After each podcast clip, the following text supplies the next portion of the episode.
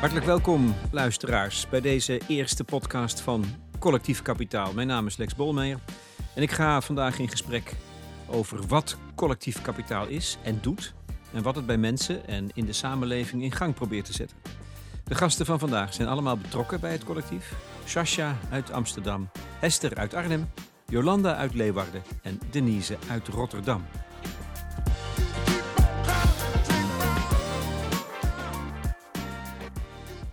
Waarde uh, luisteraars, hartelijk welkom bij deze podcast over collectief kapitaal. Het is een soort sociaal experiment. We begonnen in coronatijd, een experiment met solidariteit, want daar had de regering de mond van vol. Wat is dat precies? Denise Harleman, initiatiefnemer van dit uh, collectief kapitaal, is dat toen uit gaan zoeken. Nou, er valt heel veel over te zeggen. Um, het herinnert natuurlijk aan het basisinkomen, maar dat is het niet. Um, je zou het veel beter kunnen beschouwen als een onderzoek naar bestaansonzekerheid en dus ook bestaanszekerheid. Want het is en een praktijk en onderzoek. En het komende uur gaan we erover praten, om duidelijk te maken wat dat is. Mijn naam is Lex Bolmeijer. En voor de correspondent heb ik met twee van de vier mensen die hier aan tafel zitten al een keer gesproken. Met Denise en met Sascha, een van de mensen die in Amsterdam heeft meegedaan aan uh, collectief kapitaal. En verder verwelkomen wij ook Hester uit Arnhem en Jolanda uit Leeuwarden. Geweldig dat jullie er zijn. Hartelijk welkom. Fijn. Laten we het ijs breken. Um, Sascha, als ik met jou mag beginnen, even om, om even de, de, heel voorlopig de ervaringen te verzamelen. Wat heeft jou nou het meest verrast? Aan mijn deelname aan collectief kapitaal. Ja? Ik denk aan de blijvende verandering in mijn leven heeft um, gemaakt, zeg maar. En ook gewoon, want het is nu twee jaar geleden eigenlijk dat ik eraan mee heb gedaan. En ik denk er eigenlijk misschien niet elke dag, maar toch wel wekelijks aan. En het is meer een gevoel wat in me leeft, denk ik. En omschrijf dat gevoel eens, als je wil. Een gevoel van thuis horen in de maatschappij. Ertoe doen. Um, een community hebben die, van mensen die hetzelfde denken als mij. En die ook geven om andere mensen. Je hebt aan de lijve ondervonden wat bestaansonzekerheid is, hè? Ja, ja ik heb uh, naar aanleiding van deze podcast ging ik terugluisteren ons gesprek van vorig jaar. En ik vond het best wel uh, spannend om te doen. Ik denk omdat ik dan toch ja, misschien met terugwerkende kracht bang was om mezelf teleurgesteld te hebben. uh, om zeg maar mijn wensen en, en droom van vorig jaar dan te horen en dan kijken hoe ik er nu voor sta. Maar eigenlijk was ik heel blij verrast en uh, trots op mezelf eigenlijk uh, om het terug te luisteren. Want er spreekt kracht uit, hè? Ja, en ik snap nu misschien meer de reacties die ik erop heb gekregen. Um, ja, dat kon ik toen nog niet echt plaatsen, maar nu met een jaar afstand zie ik wel wat mensen bedoelen. We willen daar nog iets meer over horen hè, natuurlijk, maar ja, in, in, een of andere vorm. Um, Jolanda, um, wat vind jij het aantrekkelijke, het mooie ervan? van, van de opzet en het idee? Uh, nou, de, eerste periode dat ik er eigenlijk toen bij kwam, uh, dat was eigenlijk uh, op een inf informatiedag. Er waren allemaal verschillende dingen en daar werd dit ook geïntroduceerd. Toen ben ik in gesprek gegaan. En toen had ik iets van, en ik weet van natuurlijk van Rotterdam een aantal dingen, want mijn familie woont hier in Rotterdam. En hoe het daar ontstaan is. En daar had ik het een en ander over gehoord. Toen hoorde ik dat bij ons kwam en toen had ik iets van, ja, maar daar wil ik bij aansluiten. Daar wil ik een deel van zijn. Want je wilt, dat, daar gaat je om ergens deel van uitmaken. Ja, ik wil graag uh, zien dat de mensen, uh, de verschil tussen de mensen wil kleiner maken. En dat vind ik het mooie ervan, van dit iets. Zijn die verschillen groot in jouw optiek? Ja, zijn heel groot. Wat zijn dat voor verschillen? Uh, de mensen met nou ja, zeer ruime inkomens en de mensen met zwaar minima. En daar zie je gewoon een heel groot verschil tussen. De gap, de grote financiële. Ja, en daar wil ik een bruggenbouwer in worden. Bruggenbouwer, dat is mooi. Ja. Esther, jij bent ook in, mee gaan doen? Ja. Iets moet je gelokt hebben. Sascha. Sascha heeft mij gelokt. Oh, ja? Uh, ja, ja, en Denise, eigenlijk alle tweede podcast uh, van de correspondent. iets in hun verhalen hebben je geraakt. Ja, maar dat doet het nu weer. Als ik Sascha hoor vertellen, ik bedoel, Denise zit al met tranen in de ogen en ik denk, dat moet ik niet gaan doen, want ik moet zoiets zeggen. Dus het, is ontroering. Je merkt, on- wat ontroert je?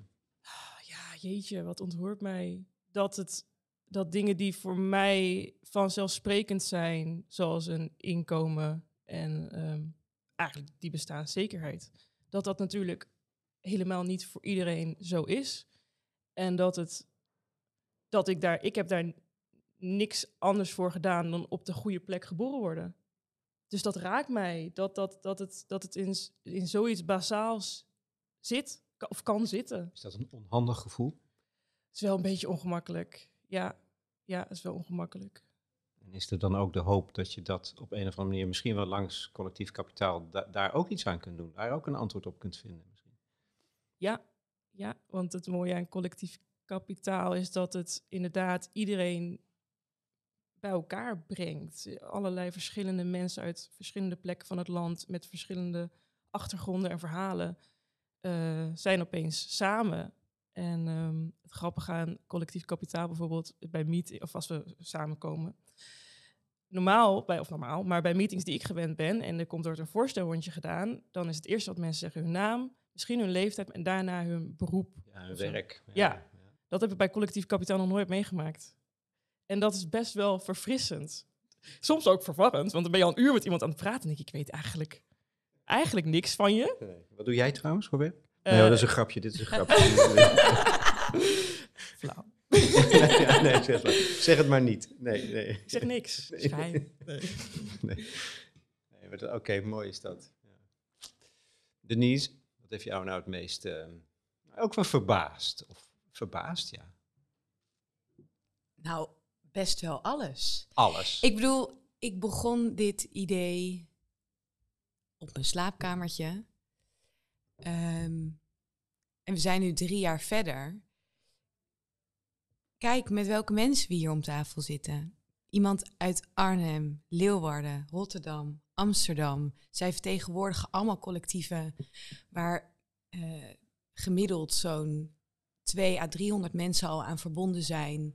De dingen die ze beschrijven aan ontmoetingen en ervaringen en de blijvende verandering. Ik bedoel, dat had ik niet verwacht toen ik daar eh, op mijn bed zat. Ehm, ik bedoel, het heeft ook genoeg bloed, zweet en tranen gekost. Dus het is niet een soort, nou, wat er nu uit de lucht is komen vallen. Ehm, maar ik heb mezelf ook verbaasd. Ik, ik had ook helemaal niet gedacht dat ik dit in gang kon zetten of zo. Kijk, dit is nu een, een, een, een collectief gedragen ding. Ehm, maar ja, ik heb de eerste steen in de vijver gegooid. Ja, potverdikkie. Dus de verbazing over wat je als mens in je eentje of met een groep teweeg kan brengen. Ja. En de, nou, de ontroering zit bij mij in het gevoel van liefde. Dat ik werkelijk een, een gevoel van liefde ontdek dat niet gaat alleen over je geliefde of je kinderen of je familie, maar een liefde voor mensen eh, die, ja, die eigenlijk de hele tijd door mijn lijf heen gaat en ook weer voor mij voelbaar is aan deze tafel. Dat vind ik er heel tof aan. Dan zijn we nu klaar, hè, geloof ik. Zullen we, zullen we dit maar als een afgeronde podcast beschouwen? Nee, dankjewel. Het, het is denk ik toch goed als je nog even in vijf woorden uitlegt wat het eigenlijk is. Of misschien kan Sascha dat ook doen, of even jullie. Maar eh, wat, wat hè, voor mensen die helemaal niet weten waar het over gaat. We weten wel hoe mooi het is. Maar wat is het precies? Heel kort. Oké, ik doe een poging en jullie vullen aan. Check? Want dit is moeilijk. Het is een, een collectief eh, van mensen uit heel Nederland die met elkaar onderzoeken wat is er nodig om een samenleving te creëren waarin ieder mens bestaanszeker is. En wij hebben met elkaar, zijn wij dus een praktijk aan het maken, stappen aan het zetten, actie aan het ondernemen en daar continu van aan het leren. Welke, welke stap concrete stappen zet je dan? Waar begint het mee? Want het heeft, uiteindelijk gaat het ook over geld. Ja. Ja, dus het begint met het vormen van een lokaal collectief, een gemeenschap eigenlijk. En die gemeenschap die zamelt met elkaar van alles in, waaronder inkomen. En eigenlijk een van onze meest concrete acties nu nog is dat we geld, dat geld dat we inzamelen ook weer herverdelen onder mensen die op of onder bestaansminimum leven. eh, in de vorm van 12 maanden lang 1000 euro per maand. Dat is, dat is het meest concrete, zoals je het kunt formuleren. Ja. Een soort herverdeling van kapitaal. En het, zijn, het gaat om kleine groepen mensen die, ehm, die daar deel van uitmaken. Als ontvangers, zou je kunnen zeggen. Per collectief zijn het er hoeveel? Eh, ligt er dus aan hoeveel we ophalen. Dus nu in Amsterdam en Rotterdam starten in augustus per stad acht mensen. Dus we begonnen ooit met vijf per stad. Maar inmiddels laten we dat los. Heel goed. Nou, dan heeft iedereen die meeluistert ook een beeld hè, van wat het is. Hebben u nog iets aanvullen? Ja, ik denk dat het ook vooral gaat om verantwoordelijkheid nemen. Ja. Ehm, als ontvanger en als gever. Dus wat je zegt, het is zeg maar een, het is echt een nieuw eh, initiatief in de zin van je moet ook gaan nadenken over wat we hiermee willen als maatschappij. Het gaat niet alleen om een, een pot geld krijgen en, Ja. en dat Of, of it. 100 euro Of in de maand overmaken, zeg maar. Klaar zijn een we. goed doel. Nee, het gaat echt om een maatschappij veranderen. Ik denk dat dat nog wel belangrijk is. Dat is de lange termijn eh, Ja. visie, ja. ja. Dat, dat- jullie zitten te knikken, Hester en Jolande. Dit klopt een beetje Ja. met wat, wat jullie ervan verwachten. Of? Ja, Ja, zeker. Ja. De, de actie voelt als een soort, dat is, ja, een methodiek of zo, echt een onderzoeksmethodiek. Maar het is, dat is, het is onderdeel van iets eigenlijk veel groters. Ja. En dat groter is gewoon de maatschappij eh, op zijn kop zetten. Gewoon een revolutie, hè? Revolutie. Hebben jullie wel zin in? Ja. Is dat nodig, denk jij? ja, dat denk ik wel, ja. En vooral de mensen die, eh, die echt net op de minima zitten, die er Ja. net boven zitten, die toch wel heel veel dingen weer niet krijgen dan juist. Om die een beetje adem te geven. En dat gezamenlijk te doen. Dan gaat het vooral om het begrip bestaanszekerheid. Dat is waar je onderzoek naar doet. Van, is het mogelijk als verbeelding van een ideaal om, om iedereen in de maatschappij bestaanszeker te maken? Wat verstaan jullie daaronder? Daar zo intensief mee bezig bent of gaat zijn, wat is voor jullie bestaanszekerheid? En niet meer in armoede leven. En eigenlijk dingen kunnen doen die je wil doen. Zoals een heel mooi voorbeeld, de tandarts. Hoeveel Nederlanders momenteel lopen zonder tandarts? Of dat ze dat niet meer kunnen betalen. Dat zijn van een van die dingen. En als jij dan net even wat meer adem uit, kan je wel die aanvullende verzekering nemen. Die voor vele mensen gewoon niet meer te betalen is. En dan wel, Ga je veel met mensen om die zo Ja. moeten leven? vrij veel. En wat doet dat met ze? Ehm, buitenkant zie je niks. Bij de meeste mensen niet. Maar als je echt met de mensen praat, merk je het wel. En ik praat met veel, veel, veel mensen. En ik eh, doe ook mijn opleiding ervaringsdeskundige. Daar ik bijna voor geslaagd ben. En dan merk je steeds, toch steeds meer. Dat heel veel mensen eigenlijk eh, het gevoel hebben er niet bij te horen. Of er niet bij mogen horen. En ze het wel moeten. En iedereen hoort erbij, wie, wie je ook bent. Wat voor huidskleur, voor mij papinpapa's met stippies. Zoals ik altijd zeg, iedereen hoort erbij. We hebben allemaal rood bloed en iedereen is gelijk. Maar bestaansonzeker wil dus niet alleen zeggen niet genoeg geld hebben voor de verzekering en de tandarts, maar ook het gevoel hebben dat je Ja. niet mee mag doen. Ja, ga maar een... Dat je, eh, dat je een- weg moet eigenlijk. Ja. Dat je eruit Ja, maar ja, ga naar een kermis. Heel simpel voorstel. voorstel. Ga met de kinderen naar de kermis. Hoeveel ben je tegenwoordig kwijt? 9 van de 10 gezinnen kunnen dat niet meer. Want het is te duur. Of naar een pretpark. Wij wonen dan helemaal in Friesland. Als wij naar de Efteling willen, nou sorry, daar moet ik vier jaar voor sparen. Anders kan je niet.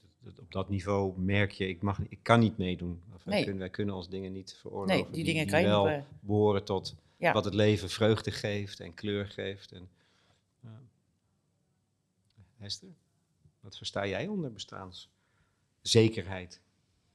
Mm, ik vind dat het heel veel te maken heeft met ehm, hoe, gro- hoe groot kan je wereld zijn of zo. Als ik het verhaal van Jolanda hoor, dan, en dat zie ik ook bij de mensen in mijn omgeving die inderdaad op of onder bestaansminimum leven. Ehm, je wereld wordt zo klein. Je, en, en ik voel direct weer het ongemak. Want het voorbeeld, ik denk, ik heb vorige week de zonneblik of een kaartje voor de Efteling gekocht, omdat ik daar met een vriendin heen ga. Jullie En zitten wel fijn naast elkaar. ja, hè, fijn. nee, maar dat is het. Ja. Weet je, ik kan ehm, eh, eh, door bepaalde, door kijk, die financiën, fi- geld is niet alles. En ik ben psycholoog en in, in het onderzoek zeggen we, geld maakt niet gelukkig onderzoekstechnisch. Kunnen we dat, dat komt uit de onderzoeken. Behalve als je onder een bepaalde grens duikt en niet meer ehm, je kan voorzien in je basale behoeften. En ik denk dat het tegenwoordig gewoon zo is dat het die grens wordt opgerekt. Of steeds meer mensen duiken onder de grens. En dan gaat het zo'n beslag leggen op je, op, op, op je, op je zijn, eh, op je functioneren, op je, op je zowel fysiek als mentaal welbevinden. En dat maakt je wereld volgens mij klein, omdat je gewoon minder, minder mogelijkheden hebt, letterlijk minder bewegingsruimte krijgt, minder gezien wordt op plekken. ja, de neiging zelfs hebt om, ik weet niet of dat zo is, hè, maar om, om je te gaan verbergen. Zo, is dat zo? Klopt dat een beetje? Als ik dat zo zeg? Dat je, dat je schaamte gaat daar volgens mij mee gepaard. Ik weet niet of dat in jouw geval ooit het, het geval is geweest. Ja, ik denk sowieso dat ehm, schaamte een grote rol speelt. Ehm, ja, het niet hebben zegt eigenlijk dat je er niet bij hoort. Tenminste, dat is een mythe die we allemaal geloven, ergens diep van binnen. En daar gaan we dan met z'n allen in geloven. Eh, en jij dan ook, over jezelf. Dus jouw zelfbeeld wordt gewoon heel erg eh, laag. Waardoor je ook dat uitstraalt naar anderen. En het een soort van gaat intrinsiek gaat geloven, denk ik, dat je minder bent. Waardoor je ook minder ja, naar buiten treedt. En Dat, hè, dus dat wat jij zegt, de wereld wordt klein, maar zo klein Ja. dat je binnen gaat blijven. Uh, omdat je en- niet eens de, hè, de Efteling kan betalen, maar je blijft ook binnen om een andere reden nog. Ja, precies. Het klinkt misschien eh, als banale dingen als een kermis of een pretpark Nee. waar je niet naartoe kan. Maar dat zijn dingen die juist jouw mens maken. Eh, Dat laat zorgen dat je zeg maar echt leeft en niet alleen overleeft. Dus dat zijn dingen die je echt nodig hebt. Dat is ook een manier om het te definiëren. hè. Het verschil tussen bestaanszekerheid en onzekerheid. Mhm. Leven in plaats van overleven. Dat is eentje om te onthouden, Zeker. denk ik. Heb, heb, heb jij eh, andere dingen om, als het gaat om bestaanszekerheid, onzekerheid, die je daarover kan zeggen, van wat het voor jou betekent, dat we misschien nog niet hebben aangeraakt? Oh jee, moet ik nu als derde? Nee hoor, nee, nee, ja, als, als Eh, vijfde.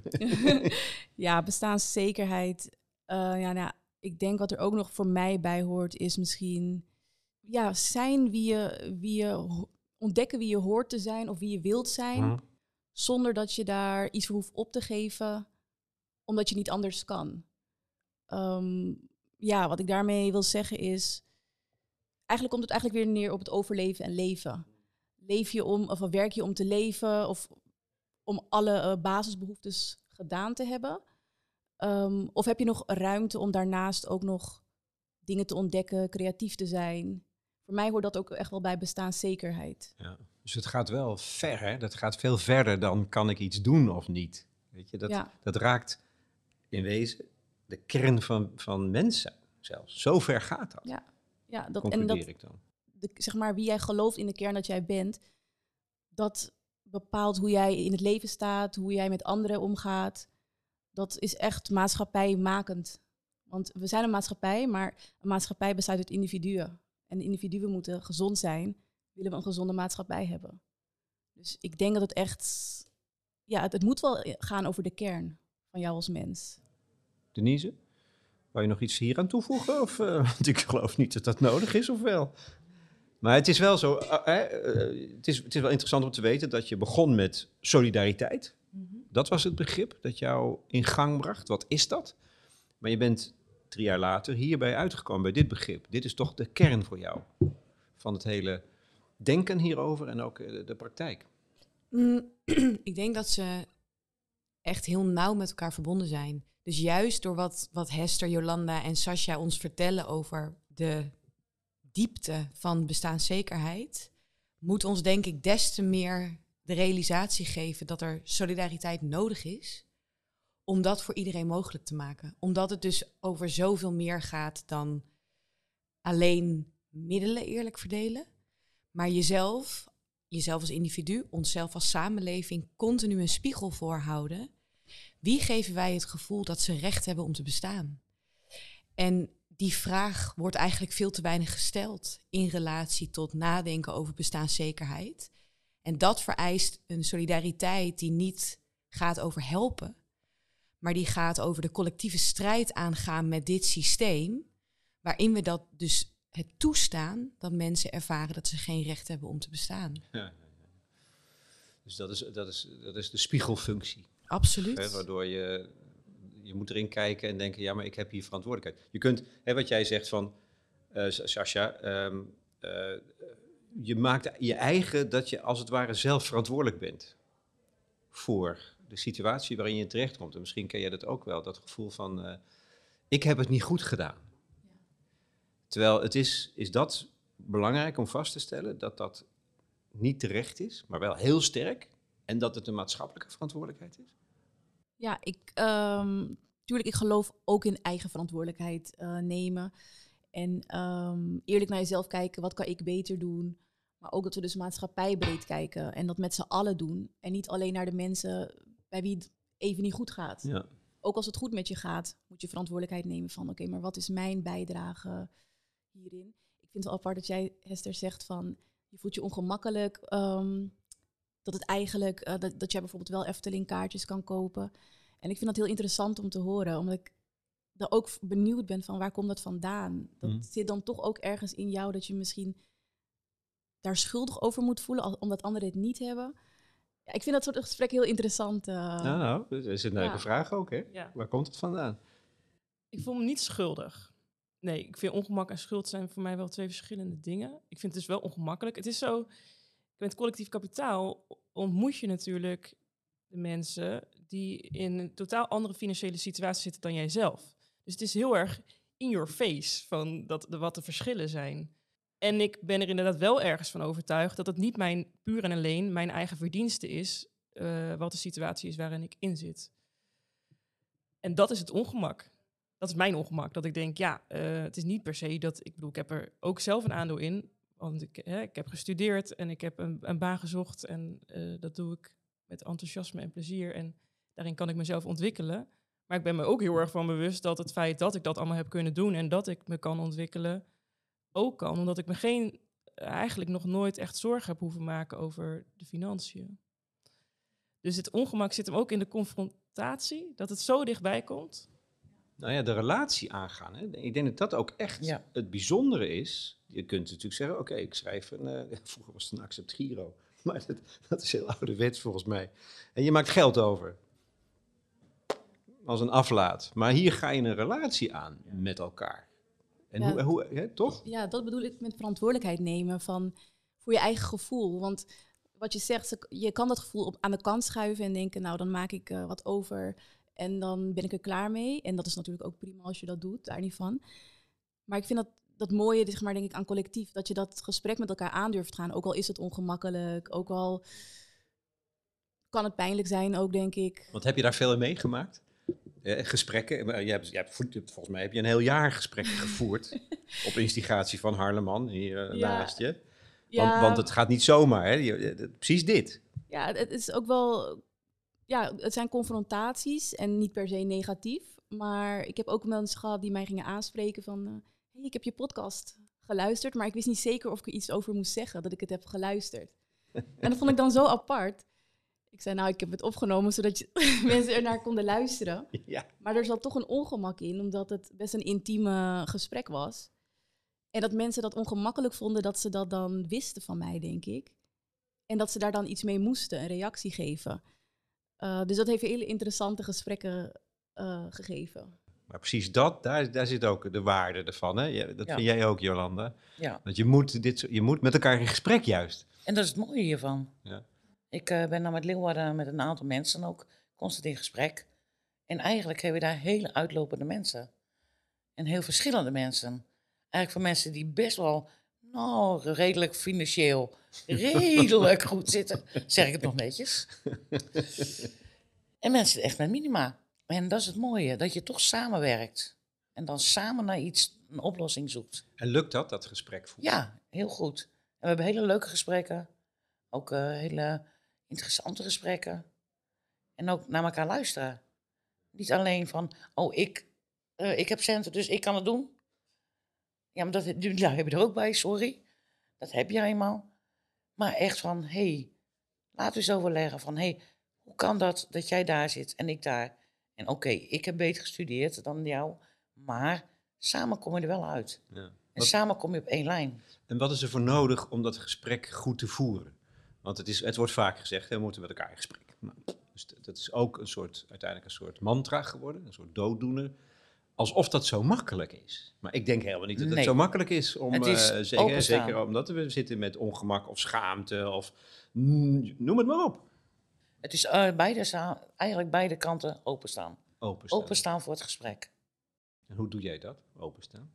Jij, Eh. jij zit ook met vooroordelen volgens mij. Nee. Nou, dat moet je me dan uitleggen. Jolanda, hoe doe je dat?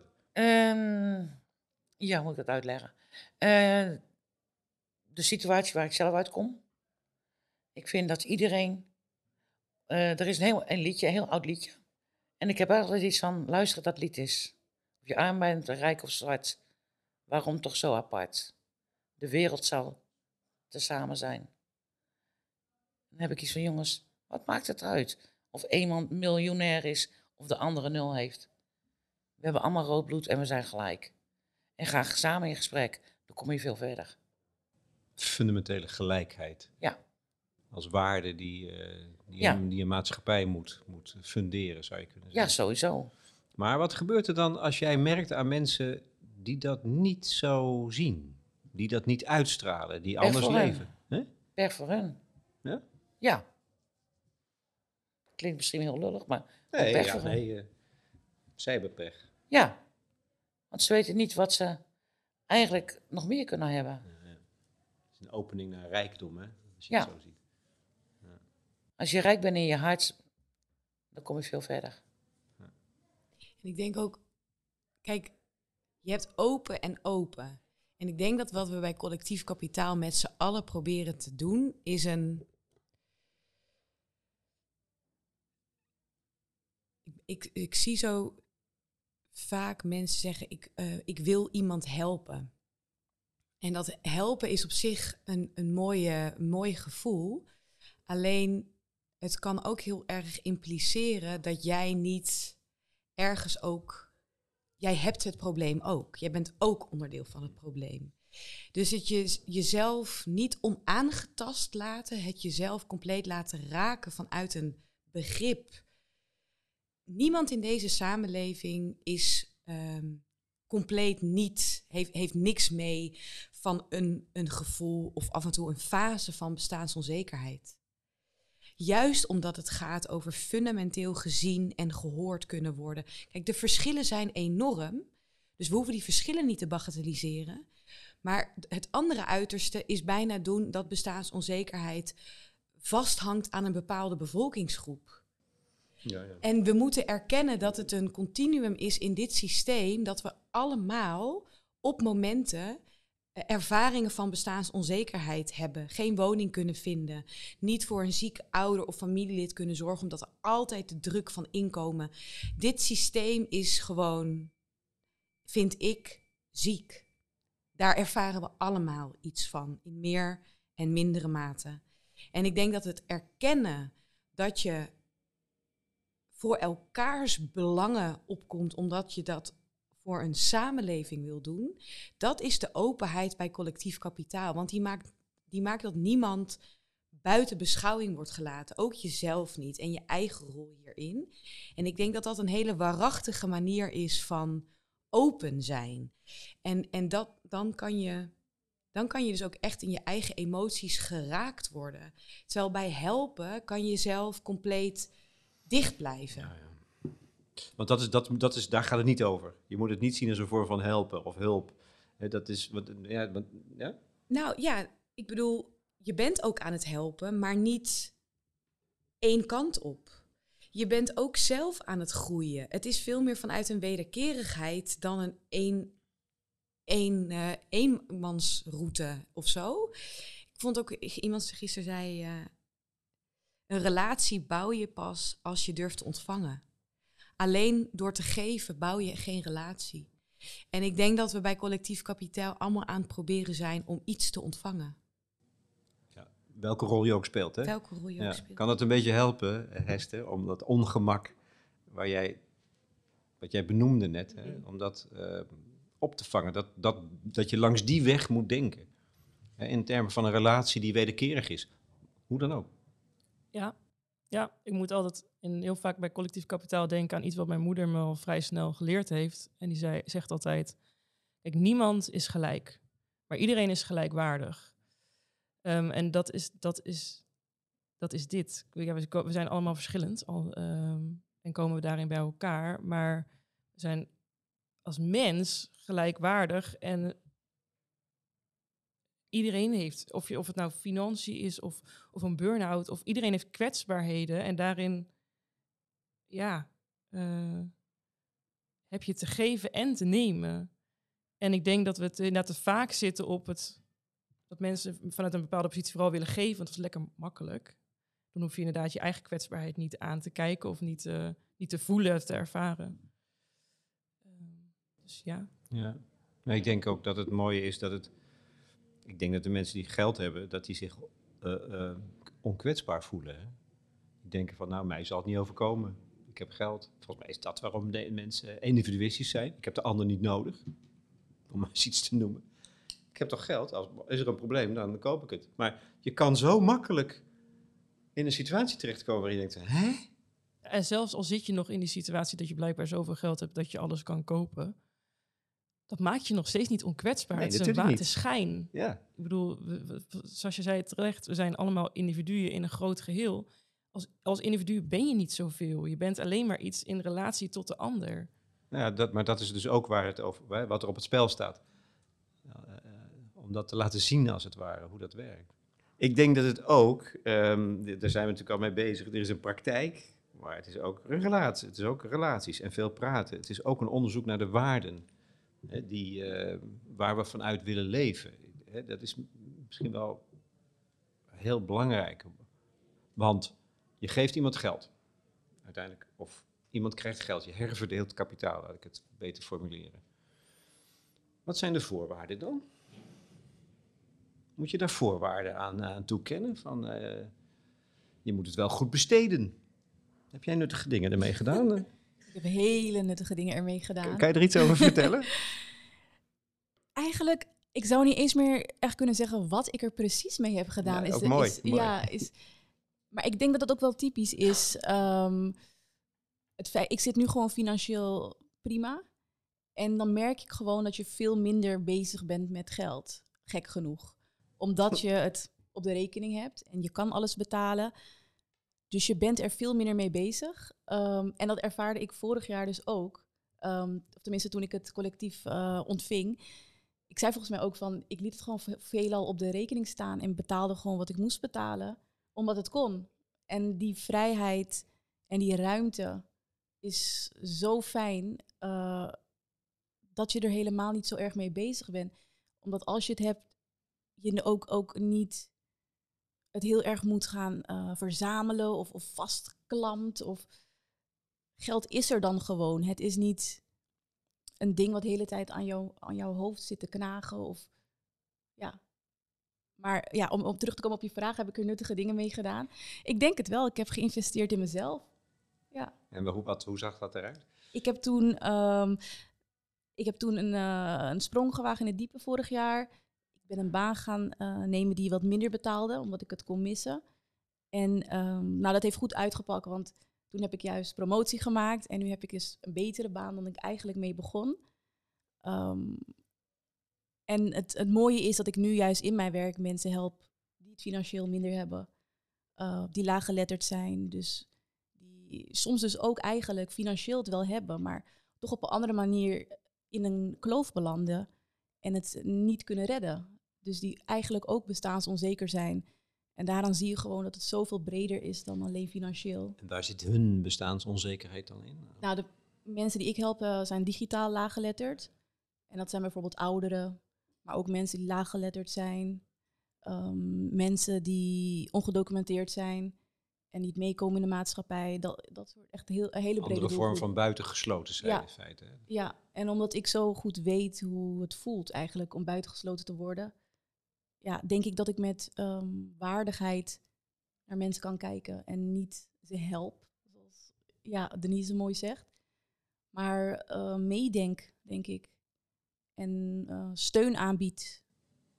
Dus ja, in die zin, ik Je denk gaat, dat ernaast, dingen... je gaat ernaast staan, als het ware. Ja, je gaat ernaast van de, staan. van de boven, hè? Dat is, Ja, je bent gewoon. Ik ben gewoon ook een ander mens die. Dan, soms hebben bijvoorbeeld mensen komen met brieven naar mij toe. Zijn bang om die open te maken. Omdat ze denken dat er ja, misschien toch weer een, een acceptgiro in zit. Die eh, ze niet kunnen betalen. Of ze weten niet hoe ze moeten betalen. Want ze kunnen dat niet aan. En dan zit ik er gewoon naast en open ik gewoon een brief met ze.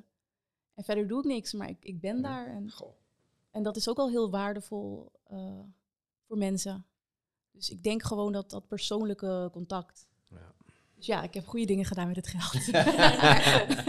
En even als aanvulling, want Ja, jij was natuurlijk sarcastisch voor iedereen die collectief kapitaal niet kent. Er zijn dus geen voorwaarden verbonden aan hoe middelen besteed worden, maar überhaupt niet om mee te doen. Eh, juist daar, we geloven eigenlijk er juist in dat je dat helemaal bij de mensen, bij mensen zelf moet laten.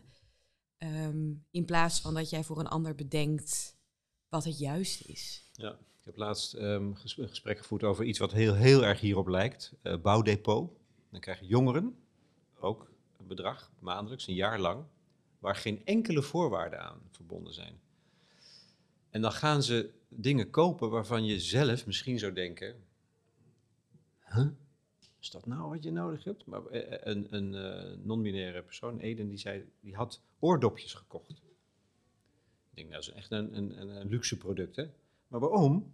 Omdat die leeft in eh, opvanghuizen, waar herrie is. Dus oordopjes zijn een manier om een eigen wereldje te creëren. Dus als ik dat had bedacht, had ik gezegd, nee, dat moet je niet doen. Je moet het iets, iets nuttigers. Dus het gaat over zelf niet weten, de- niet superieur zijn en vooral hè, eh, luisteren naar waar de ervaring zit en wat je nodig hebt. Dat herken je ook een beetje, Ja. Jolande. Ja, je merkt het eh, bij ons dan eh, door het werk wat ik dan doe. Dat is maatschappelijk werk, hè, in principe is het dan deel van maatschappelijk werk. Alleen ik eh, doe het als vrijwilliger Ja. in een wijkcentrum eh, in Leeuwarden. En daar begeleid je dus heel veel mensen. Ik ben voorvrouw daar. En dan hoor je de verhalen ook. En dan, zodra er eens een keer iets extra is, dan, toch, dan heb je iets van, jongen, dan ga je een beetje boodschappen voor halen of dat. Nee, maar de kleinste dingen, dan, dan waren ze zo trots op. En dan heb je iets van, ja, oké, het geeft jou je geluk. Het geeft jou je rust. Dus dat wil zeggen dat je niet te snel, of eigenlijk helemaal niet moet oordelen over, over, over wat mensen eh, doen. ieder geval zo- voor zich kan, voor zichzelf bepalen wat hij op dat, of zij op dat moment nodig heeft. En zoals jij zegt, die oordopjes, nou die had hij op dat moment nodig. Om wel zijn innerlijke rust te krijgen. Precies. En ik denk dat het heel belangrijk is. ik denk dat het ook wat belerends heeft als je zeg maar gaat zeggen inderdaad, nou jij kan dit goed gebruiken of zo moet jij jouw problemen gaan oplossen. Dan krijg je juist die relatie van dat de ontvanger zich klein gaat voelen en ehm, dat die machtsrelatie dan heel erg onder druk komt te staan. Ik kan het, ik, ik ben niet sarcastisch, want ik vind het een geweldig initiatief. Maar je- mensen kunnen natuurlijk denken, ja, het is gratis geld. Dan moet je toch voorwaarden aan verbinden. Dat doe ik toch niet zomaar. Je moet, er iets voor, je moet er ook iets voor doen, of je moet er iets voor terug doen. Of... Hebben jullie daar gesprekken over in Arnhem en Leeuwarden? Ja, we hebben de Leeuwarden ook gehad. En eigenlijk eh, kwamen daar heel snel op van, eh, nee, je moet geen voorwaarden stellen. Want ieder mens is anders.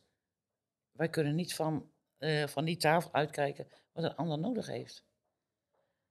En ik, ik hoor dan de verhalen van Rotterdam wel, van hoe positief dat eigenlijk uitgelopen is. Ja. En daar waren ook helemaal geen voorwaarden. En terwijl daar heel veel positieve geluiden kwamen. Het, is, Dat moet je horen. het werkt dus ook nog eens veel beter uiteindelijk. Ja. Want als je mensen echt gaat eisen van, eh, oké, jij moet morgen wit brood halen en overmorgen bruin brood. Voor je gezondheid bedoel je, Ja. om dat een beetje te stimuleren. Ja. Nee, dat werkt niet. Want je moet gewoon samen. En laten de mensen zelf, de mensen kunnen zelf best heel veel aan. Alleen ze moeten die ruimte hebben. Eigen verantwoordelijkheid is Ja. belangrijk. En ik denk dat je dat ook juist, die eigen verantwoordelijkheid, dan juist die mensen stimuleert om verder te groeien. Want dan ben je ook het meest mensen natuurlijk. Hoe zit Ja. het in Arnhem eigenlijk, Esther? Ja, de grap is dat we in Arnhem eigenlijk helemaal het gesprek niet hier echt over gevoerd hebben. Omdat nog, nog de, leuker. Ja, dat was een soort van zelfsprekend. Ehm, Er is ervaring inmiddels, denk ik. Precies, dit is natuurlijk niet. eh, we zijn natuurlijk pas het, ja, eigenlijk drie jaar later, tweeënhalf jaar later ingestapt. Dus heel veel van het collectief kapitaalgedachtegoed bestaat. En dat is ook waar mensen in Arnhem enthousiast van zijn geworden. En daarom da- eh, dat ze in Arnhem ook zoiets willen op, dit ook willen opzetten. Ehm, dus Arnhem is nog een vrij homogene groep, denk ik. Qua gedachtegoed sluit heel erg aan bij alles wat er al bedacht is. Dus in Arnhem is nog nooit iemand geweest die hier een vraag of een opmerking over. eh, Mag ik er nog één ding op aanvullen? Kijk, ik denk in een gezonde relatie kan je elkaars gedrag ter discussie stellen. Dus het feit dat je geen voorwaarden stelt, betekent niet dat er geen oordeel bestaat over hoe iemand geld uitgeeft. Of, en, het, en het betekent volgens mij ook niet dat je van alles kan zeggen dat het een goed idee is.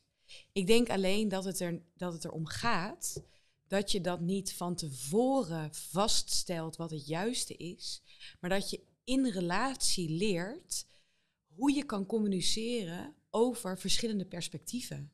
Dus het is, het is eerder dat je het in het handelen en in het luisteren en in, het, in de relatie moet zoeken hoe je over dit soort onderwerpen spreekt, dan dat je van tevoren met protocollen en regels het juiste gedrag kan afdwingen. Dus ook hierin zitten allerlei nuances die we met elkaar moeten durven aanraken. Wat je er helemaal niet mee bemoeien is ook, is ook weer ongemak uit de weg gaan.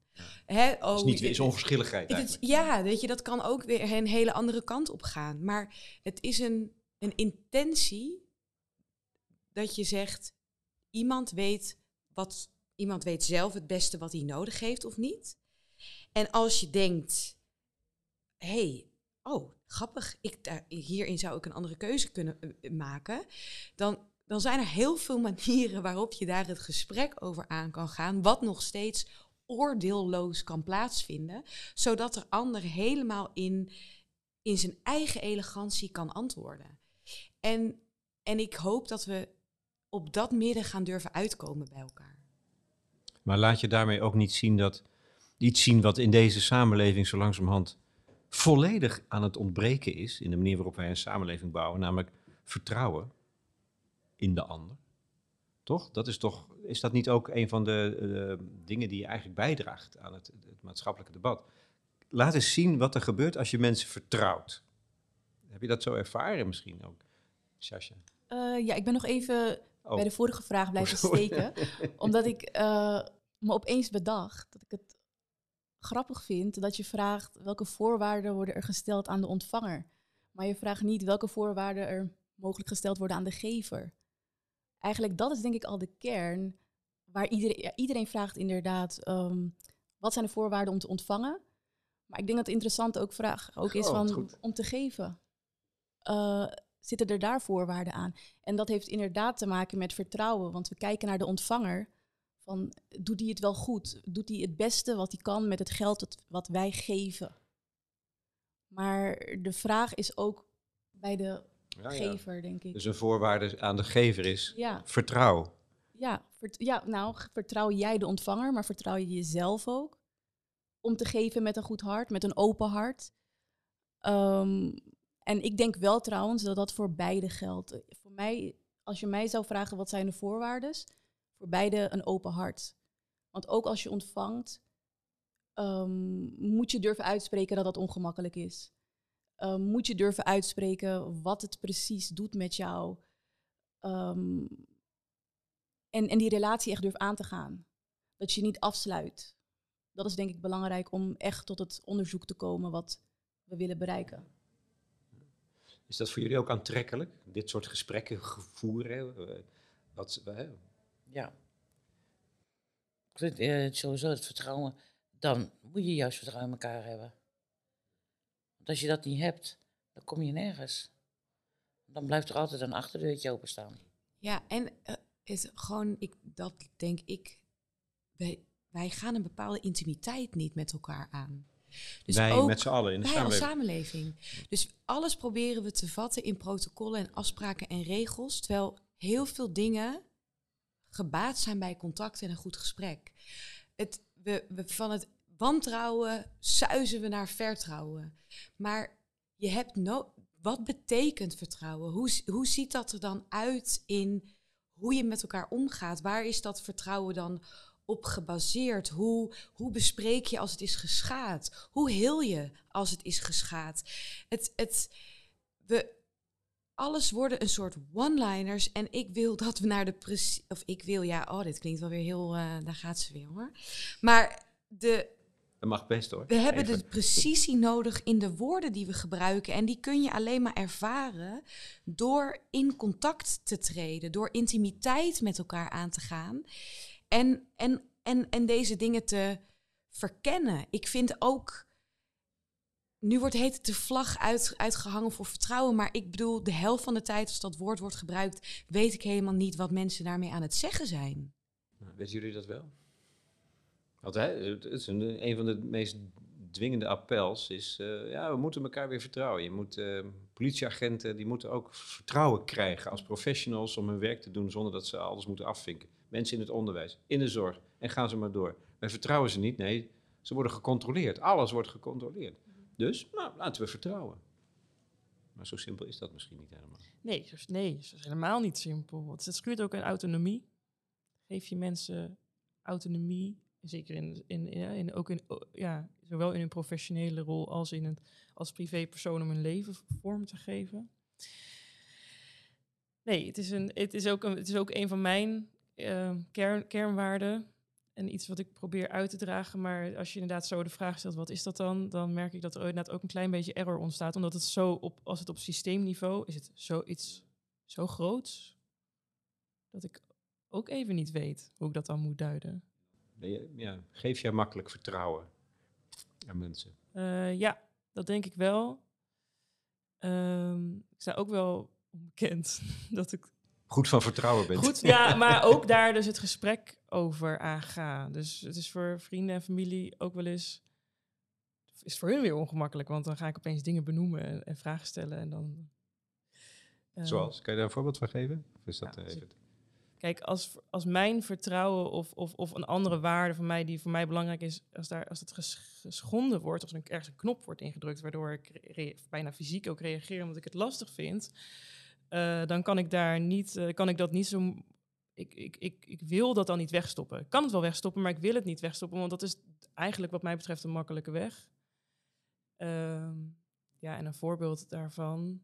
Ja, het was laatst ooit iets heel simpels. Dat ik met een vriendin had afgesproken dat, dat ik vanuit Arnhem naar, naar eh, Amsterdam zou gaan met de trein. En zij ergens halverwege in zou springen.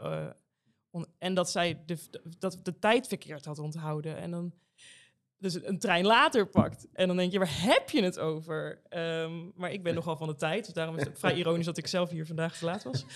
Ehm, Ah, maar een paar minuten hoor. Dat maar is, even een klein voorbeeld van, oké, dan kan ik ervoor kiezen om het weg te stoppen. En dat doe ik niet. Want dan denk ik, ja, dan dat, dat, is, dat, is, dat is de makkelijke weg. dit is wel een goed voorbeeld van dat het eh, over, over nou ja, kapitaal herverdelen gaat, maar ook dat iedereen involved bezig is met eh, zich te ontwikkelen. Hè, in dit soort, is dat terecht als ik dat zeg? In dit soort gesprekken ontdek je, maar hoe denk ik er eigenlijk over? Heb ik wel de goede woorden? Ja, dat denk ik wel. En dan elkaar respecteren. Ja. Ik denk dat dat het belangrijkste is. is ook niet zo eenvoudig, altijd wel. Ehm, nou, ik denk iedereen verdient respect. Wie of wat je ook bent. Maar ik, ik denk vaak dat we in die gesprekken elkaar zo. Dat het gevaar zo groot is dat je elkaar verkeerd verstaat. Omdat, het, omdat we dat helemaal niet, helemaal niet vaak doen hoor. Dit soort grondige gesprekken over wat je bedoelt met vertrouwen. of, met, of dat er iets niet klopt. In, in, of dat je denkt dat er iets niet klopt. Dat doen we helemaal niet. Die intimiteit opzoeken. Juist wel. Ja, jij wel. Ja, juist wel. Jij bent er voortdurend mee bezig. Ja, een beetje te veel misschien. Ja, ik denk dat dat ook wel, maar dat, jij vertelt het ook wel eens vaker over Ja. de plek waar jij woont. Dat dat, misschien wil je er zelf even iets over vertellen, want het is wel mooi om van jou te horen. Eh, ja, eh, nee, ik ben eh, veel jaren mishandeld geweest. En daar ben ik eh, uitgekomen dankzij een maatschappelijk werker. Heb ik hulp voor gehad. En vanuit dat eh, ben ik terechtgekomen bij het wijkcentrum. Daar heb ik vertrouwen weer gekregen. Eh, ik durfde niet meer de straat op. Nu eh, sinds een aantal jaren wel, ja. En daar ben ik gegroeid. Daar heb ik vertrouwen gekregen, daar heb ik respect gekregen. En vanuit daar eh, ben ik eigenlijk verder gaan groeien. En ben ik opleidingen gaan doen. En werk ik nog gelukkig nog steeds. En nu doe ik de erva- ervaringsdeskundige opleiding. En ik help ook mensen weer in die sectoren. Om samen eigenlijk daar weer uit te komen. En ik doe het allemaal als vrijwilliger. Maar jij hebt dus ook, wat je, wat je zegt letterlijk, ik heb vertrouwen gekregen. Ja, Ja, in jezelf denk ik, Ja. maar, maar misschien ook wel van, en de van mensen die om je heen mensen staan. om je heen staan. Ook de mensen die je hand reiken. En vooral die mensen die mijn hand hebben gereikt, die hebben ook altijd gezegd van, joh, je bent meer. En dan heb ik er geen cent meer voor gekregen. Maar ik ben wel gegroeid. En is het voor jou dus ook, eh, ik moet zeggen, ik wil niet zeggen makkelijk hoor, maar om dingen te benoemen die voor bijna iedereen ook heel pijnlijk zijn. Is, is het, is het Ja, ik durf het te benoemen. durft alles gewoon te vragen en te ja. zeggen. En ik ben er soms tijd een beetje... Ja, dit is wel eens zo nu dan een beetje, ja, daar moet ik me ook wel inhouden. en dat zie ik dan ook wel aan mensen, dan hou ik me ook wel in hoor. Dan heb ik echt iets van, we praten er wel een keer. Ja, ja. Maar dan weten ze in ieder geval, het kan. Ja. Maar je merkt het gewoon aan mensen en dat is, dat is iets wat je voelt. En is jouw ervaring ook dat als je het benoemt, dat het bijna altijd zo is dat het dan open gaat? Hè? Dat Ja. In plaats van Na een paar keer dat je mensen de deur dicht houden van ik wil, ik, wil- ik Nee. wil niet nemen. En je hebt, eh, ik heb al een paar mensen al meegemaakt dat je het echt weet, hé, hey, daar is iets fout. En dan eh, vertel ik mijn eigen verhaal. En ik vertel het tegenwoordig heel luchtig nu. Ik durf het nu ook luchtig te vertellen. Heb ik ook nooit gedurfd. Nu wel. Nu zeg ik het gewoon. En nu hebben de mensen ook iets van, oké, jij weet wat ik doormaak. Jij weet wat ik voel. En dan eigenlijk langzaamaan groei je naar elkaar toe. En dan kom je de gesprekken in. En dan, sommige, ik heb al een aantal vrouwen geholpen. Van, hé, hey, daar kan je hulp krijgen. Of daar, maar ook mannen. Een heleboel denken, het is alleen maar vrouwen. Maar het zijn ook mannen en kinderen. Ik heb een heleboel kinderen bij mijn huis gehad... die eigenlijk uit geweld kwamen. Ruzies thuis. Die heb ik in huis gehad. Als vluchtadres. En die hebben iets van... Moekes. Daar heeft het weer in. Maar allemaal goed terechtgekomen. Over wederkerigheid gesproken. Hè? Ja. Daarom zeg ik, de samenleving kan veel meer. Maar ik vind het ook mooi, omdat jij had het al over intimiteit, we hebben het over vertrouwen, waardigheid, al die dingen. Intimiteit, dit is ook dat je in de samenleving, in de openbare ruimte ook juist intimiteit kunt creëren op deze manier. Dat is misschien wel heel bijzonder op dit, ja, is dat een van de bijzondere waarden van, eh, van collectief kapitaal? Ja, ik vind het wel heel mooi dat je dat zegt. Want ik denk echt dat we zorg en liefde Ja, tot het privé-domein Ja. hebben. Of door de professionals, weet je? Of door de Of weg, weg, eh, weg, weet je, En daar zit niks meer tussenin. Ja. En daar moet iets tussenin. En daarom is het ook, ook om naar zoiets als bestaanszekerheid te kijken, weten niet voor niets collectief kapitaal. Het gaat over dat de eerste stap in die richting ons antwoord is collectiviteit. En samen weer ehm, zorg en liefde, niet als professionaliteit, de samenleving eh, mee verrijken. Maar gewoon omdat dat ons ten diepste mens maakt. En, en dat mag weer vloeien. En het mag. Gewoon, ik heb. Er mag gewoon meer losheid. En gewoon iets wat minder decorum. Weet je wel? Ja. Nou ja, eh, ja eh, procedures. Ja. Liefde in plaats van procedure. Zo Ja. mag je het ook best noemen hoor, voor mij. Ja, jongen. Eh, maar dus, blijkt het dus over veel meer te gaan hè, dan 100 euro in de maand. Als, het even, als ik het even heel bot eh, formuleer. Maar dat is het ook, namelijk. We gaan bijna afronden. Want er is ook wel heel veel gezegd waarvan ik denk, nou, verwerk dit maar eens even. Het heeft me ook erg ontroerd, veel van de dingen die jullie zeggen. Dus dankjewel. Dat sowieso. Heel fijn dat jullie dat met ons wilden delen allemaal. Zijn er dingen waarvan je denkt, ja, ik heb nog één, ik wil nog iets zeggen, want dat zit me hoog. Of dat wilde ik net zeggen. En, en, of, of hoe kijk je hierop terug? Of nou ja, wat, hè? Ik doe even gewoon een rondvraag. Een hele, hele mooie ronde. Wil jij nog iets toevoegen, Jolanda? En laten we open, kan- open zijn naar elkaar. Nou, dat zijn we hier in ieder geval geweest. Dankjewel. Esther? Ehm, ja, dat het dus voor mij erom gaat dat, je, dat we weer contact maken met elkaar. Ja, dat begrijp ik. Ja. Op wat voor manier dan ook. Maar er zijn vele manieren om het te doen. Denise? Als je nog niet meedoet, doe mee. Hoe, waar? Website? Eh, ja, je kan naar www.collectiefkapitaal.nl ehm, en ehm, voel je vrij om wat je ook te delen hebt als mens te delen. Iedereen is welkom bij Collectief Kapitaal. Ieder mens heeft iets waar het collectief als, als geheel sterker van wordt. Dus eh, voel je uitgenodigd. Sasha. Ja, nee, ik eh, wil jullie allemaal bedanken voor dit goede gesprek. Ik denk dat, het, ja, dat je dit soort gesprekken niet elke dag voert, helaas. Ehm, ja, dat iedereen zo open is. En ik denk zelfs dat een goed gesprek voor mij is het bijna een kunstvorm. Ehm, om echt zeg maar voor beide open deuren en ja, standaard dingen te komen. En, en dat is heel persoonlijk voor iedereen. En ja, ik vind het heel fijn om dit gesprek te hebben kunnen doen met iedereen. Dus bedankt. Dankjewel. En laat het maar groeien. Laat het maar een beweging zijn. Collectief kapitaal, dank je.